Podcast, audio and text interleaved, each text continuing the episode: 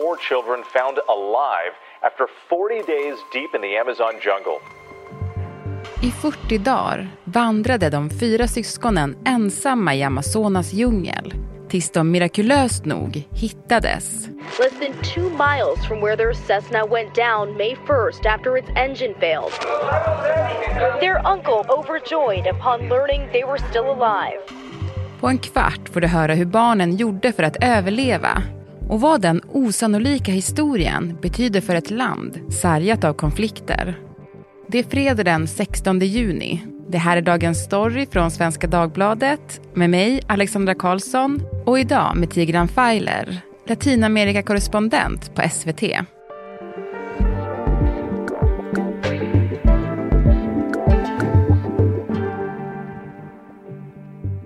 Du Tigran, är det glädjeyra i Colombia nu när de försvunna barnen är återfunna? Ja, det får man verkligen säga. Det här har ju varit en historia som har följts väldigt intensivt i Colombia och i landets medier och någonting som också vanligt folk har pratat väldigt mycket om. Eh, jag var själv i Colombia för en två veckor sedan ungefär och då var ju den här det här dramat fullt igång och det rapporterades ständigt. Man hörde när man åkte taxi, de senaste nyhetsuppdateringarna, om det hade hittats några nya spår, några nya teorier om vad som hade kunnat hända med de här försvunna barnen. Och då så trodde ju de allra flesta som jag pratade med att det faktiskt var kört. Det var inte många som trodde att man skulle kunna hitta dem vid liv. Så att det var ju naturligtvis en väldigt överraskande och eh, ja, lyckligt slut på, på den här historien. Mm. Ja, det, verkligen. För det är ju helt otroligt att de, att de klarade sig i, i 40 dagar. Och vi ska gå igenom det, eller vi ska liksom prata om hur det kunde ske. Men jag tänkte först bara, om vi backar bandet lite grann. Vad var det som hände? Jo, det var alltså ett litet eh, propellerplan som eh, kraschade eh, långt ute i regnskogen i den colombianska delen av eh, Amazonas. Eh, och ombord på det här planet så befann sig då den här familjen, en mamma med sina fyra barn eh, och sen var det två vuxna till i planet. Och de vuxna de avlider eh, men man vet inte sen vad som händer med barnen och så inleds då det här intensiva sökandet som pågår i, i flera veckor. Mm. Och vet man, vad skulle de göra när de satte sig i planet? Alltså var skulle de? De skulle hälsa på eh, barnens pappa som hade lämnat då området där familjen kommer ifrån och flyttat till en del som heter San José del Guaviare. Eh, och eh, enligt colombiansk media så har det att göra med en våldsam situation och hot mot pappan. Det finns mycket kriminella grupper som är aktiva Eh, i de här delarna av eh, Colombia och som ägnar sig åt olika typer av ekonomisk verksamhet, eh, bland annat kokahandel och, och annat. Så att det ska vara därför då som pappan hade flyttat till ett annat område och så skulle de hälsa på honom när den här olyckan inträffade. Ryan Reynolds här från Mint Mobile. Med priset på nästan allt som går upp under inflationen, trodde vi att vi skulle bring våra priser down. So to help us, we brought in a reverse auctioneer, which is apparently a thing. Mint Mobile unlimited premium wireless. Ready to get 30, 30, bit to get 30, bit to get 20, 20, 20, bit to get 20, 20, bit to get 15, 15, 15, 15 just 15 bucks a month. So, Give it a try at mintmobile.com/switch. slash $45 up front for 3 months plus taxes and fees. Promo rate for new customers for limited time. Unlimited more than 40 gigabytes per month slows. Full terms at mintmobile.com.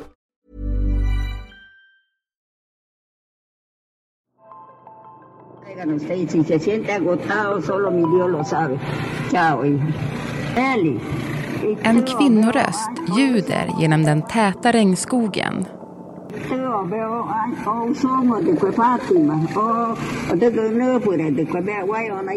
Rösten upprepar att barnen ska stanna där de är, att hjälp är på väg. Det inspelade meddelandet är från de försvunna barnens mormor som en del av sökinsatsen Operation Hopp.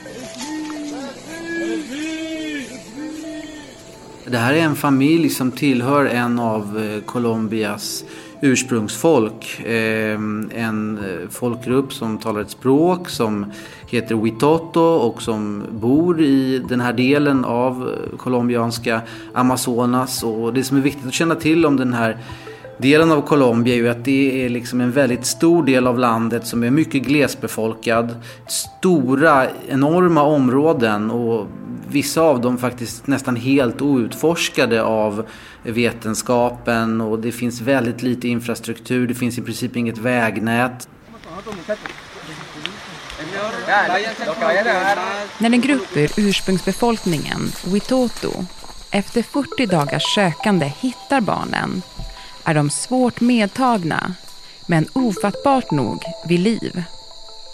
I över en månad har syskonen Leslie, 13, Soleini, 9, Tien, 4 och minstingen Kristin, som precis fyllt ett år, vandrat ensamma i djungeln. Snart hörs de efterlängtade kodorden spraka över komradion. Mirakel, mirakel, mirakel, mirakel. Ett för varje barn som återfunnits. Colombias president Gustavo Petro kallar dem för fredens barn och lyfter särskilt fram Operation Hopp som ett exempel på vad landet kan uppnå när staten och ursprungsbefolkningen arbetar tillsammans. Las comunidades indígenas y las fuerzas militares conjuntamente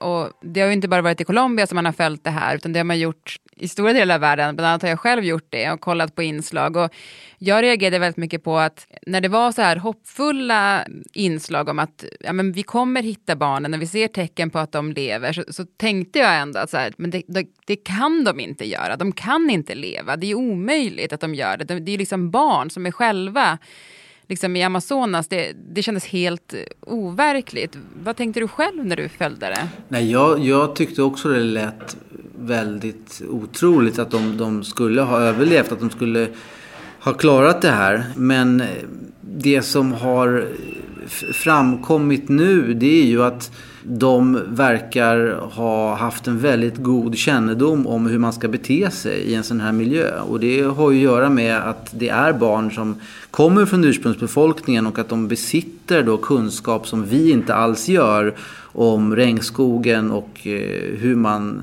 kan leva där. Jag har själv varit i liksom, de colombianska delarna av Amazonas eh, flera gånger och det är ju en väldigt påfrestande miljö. Liksom otroligt fuktigt, väldigt mycket insekter, det är liksom en oerhört tät vegetation. Eh, men, men den här historien har ju också liksom fått den funktionen kan man säga i Colombia och även för andra delar av världen att den har ju verkligen varit upplysande om att det finns väldigt mycket kunskap om regnskogen som då de här människorna har som vi inte har och där vi också har väldigt mycket att lära. Och... Mm. Ja men för hur, hur klarar de sig då så länge? Alltså vad var det de gjorde? Det som har figurerat i colombiansk media är att de ska ha överlevt eh, på liksom en kombination av då saker som de har plockat upp från då de här hjälppaketen som har släppts ner. Eh, men också då sånt som de har själva då hittat i regnskogen. Frukter och annat som, som man kan äta. Och sen så har det också varit avgörande att de har eh, lyckats få i sig rent dricksvatten. Och även om då Amazonas är en väldigt fuktig miljö så är det inte helt lätt därför att floder och sånt kan ofta vara liksom leriga. Och det är inte, så att, så att det visar ju också på att de här barnen och framförallt då kanske det äldsta barnet då den här eh, flickan Leslie som var i 14-årsåldern. Det är ju hon som har eh, naturligtvis då ja, varit mest mogen och kunnat leda den här lilla gruppen med fyra barn. Och eh, har då sett till, om det då är via regnvatten eller att man har då kommit över några rena vattendrag. Det har inte jag sett liksom specifik information på. Men på något sätt har man i alla fall ja, lyckats få i sig vätska och, och även då eh, mat så att man har klarat sig i 40 dagar. Det är ju väldigt länge. Ja, det är otroligt länge. Det är, det är så spektakulärt. Det, det känns ju som mm, film. Verkligen. Det kommer bli film. Ja, men just det faktum att de, att de tillhör ursprungsbefolkningen och liksom har den här kunskapen har gjort att de har klarat sig. Men hur ser situationen ut för ursprungsbefolkningen i Colombia? Det här är ju grupper som eh, har och fortfarande är väldigt trängda. Så man har, deras territorier är under press från eh, illegal skogsavverkning. Eh, lite liksom samma dynamik som, som vi, vi har sett i Brasilien. Men där har det varit liksom mer uppmärksammat, mer nyhetsfokus. Men Colombia har ju samma problematik. och eh, där det också är väldigt stora avlägsna områden och historiskt har det också investerats väldigt lite. Så att eh, det är ju, är ju, samhällen som lever i, i, stor isolering och eh, stor fattigdom och ibland finns det inte elektricitet och svåra, svåra förhållanden. Eh, men det man kan tänka sig nu är ju att den här typen av eh, nyhetshändelser sätter ju faktiskt de här grupperna liksom på agendan på, på ett sätt som de kanske aldrig har varit tidigare. Och det har ju man ju också sett här i, i colombiansk media här de senaste dagarna. Att det har varit mycket intervjuer med representanter från olika urfolksgrupper på ett sätt som man inte är van att, se. Och, och, och där har man ju från, från ursprungsbefolkningens sida också Eh, kritiserat det här narrativet som har liksom dominerat i media som, som går ut ungefär på att hur är det möjligt att överleva så här länge ute i regnskogen? Eh, och från ursprungsbefolkningens sida så eh, menar man ju tvärtom att eh, det är inte att trots regnskogen som de här barnen har överlevt utan det är tack vare regnskogen och allt som finns där och, och, allt som eh, den här miljön erbjuder eh, och som de då känner till men som majoritetssamhället och omvärlden inte har kunskap om. Och, och, och ursprungsbefolkningen menar ju att det här är liksom en, ett kolonialt synsätt som går tillbaka till den spanska erövringen av, av Amerika där man återkommande har beskrivit då Amazonas och regnskogen som ett grönt helvete som är fullt med farliga djur och jobbiga insekter och där det liksom inte finns någonting egentligen att hämta. Och det är också det som är förklaringen till den här logiken att man liksom avverkar skogen och man ska liksom omvandla det då till någonting som är produktivt där man kan ha köttkor eller man kan utvinna olja eller göra någonting vettigt med marken. Eh, men eh, förhoppningsvis så kan ju en sån här händelse faktiskt i alla fall bidra med ett litet frö till liksom ett förändrat synsätt och också se att det finns en enorm rikedom i regnskogen. Liksom inte när man avverkar skogen utan att man faktiskt låter den stå kvar. Ryan Reynolds här från Mint Mobile. Med priset på nästan allt som går upp under inflationen, trodde vi att vi skulle bring våra priser down. So to help us, we brought in a reverse auctioneer, which is apparently a thing. Mint Mobile unlimited premium wireless. Ready to get 30, 30, bit to get 30, bit to get 20, 20, 20, bit to get 20, 20, bit to get 15, 15, 15, 15 just 15 bucks a month. So, Give it a try at mintmobile.com/switch. slash $45 up front for 3 months plus taxes and fees. Promo rate for new customers for limited time. Unlimited more than 40 gigabytes per month slows. Full terms at mintmobile.com. Det är ju en historia med så många dimensioner det här. Och det är också otroligt sorgligt att barnens mamma inte klarade sig. Så att det är ju ja, det är väldigt mycket känslor i den helt enkelt. Mm, det var ju väldigt eh, hjärtskärande att höra det här, de här rapporterna om att det första eh, den här flickan då, Leslie, det äldsta barnet, sa när de hittade dem. Det var ju att eh, jag är hungrig och att mamma är död. Mamman ska ju ha överlevt i fyra dygn efter den här flygkraschen. Eh, men sen av någon anledning som jag inte är helt säker på varför så har hon sen avlidit. Ja. Men du Tigran, till sist, alltså vad händer med barnen nu då?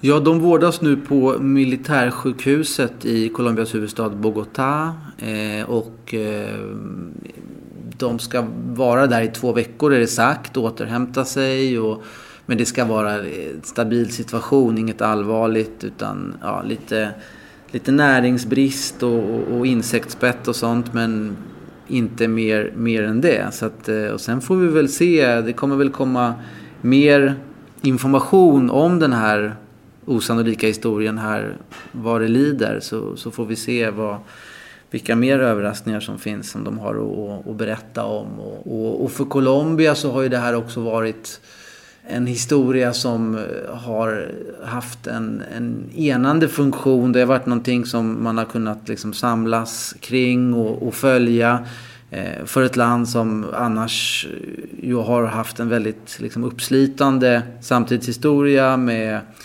med många år av, av inbördeskrig och, och sen ett fredsavtal och även en väldigt liksom, hård politisk polarisering. Eh, men i alla fall för några veckor så, så har ju det istället varit det här som har stått i fokus. Mm. Du, tack så jättemycket Tigran. Tack själva.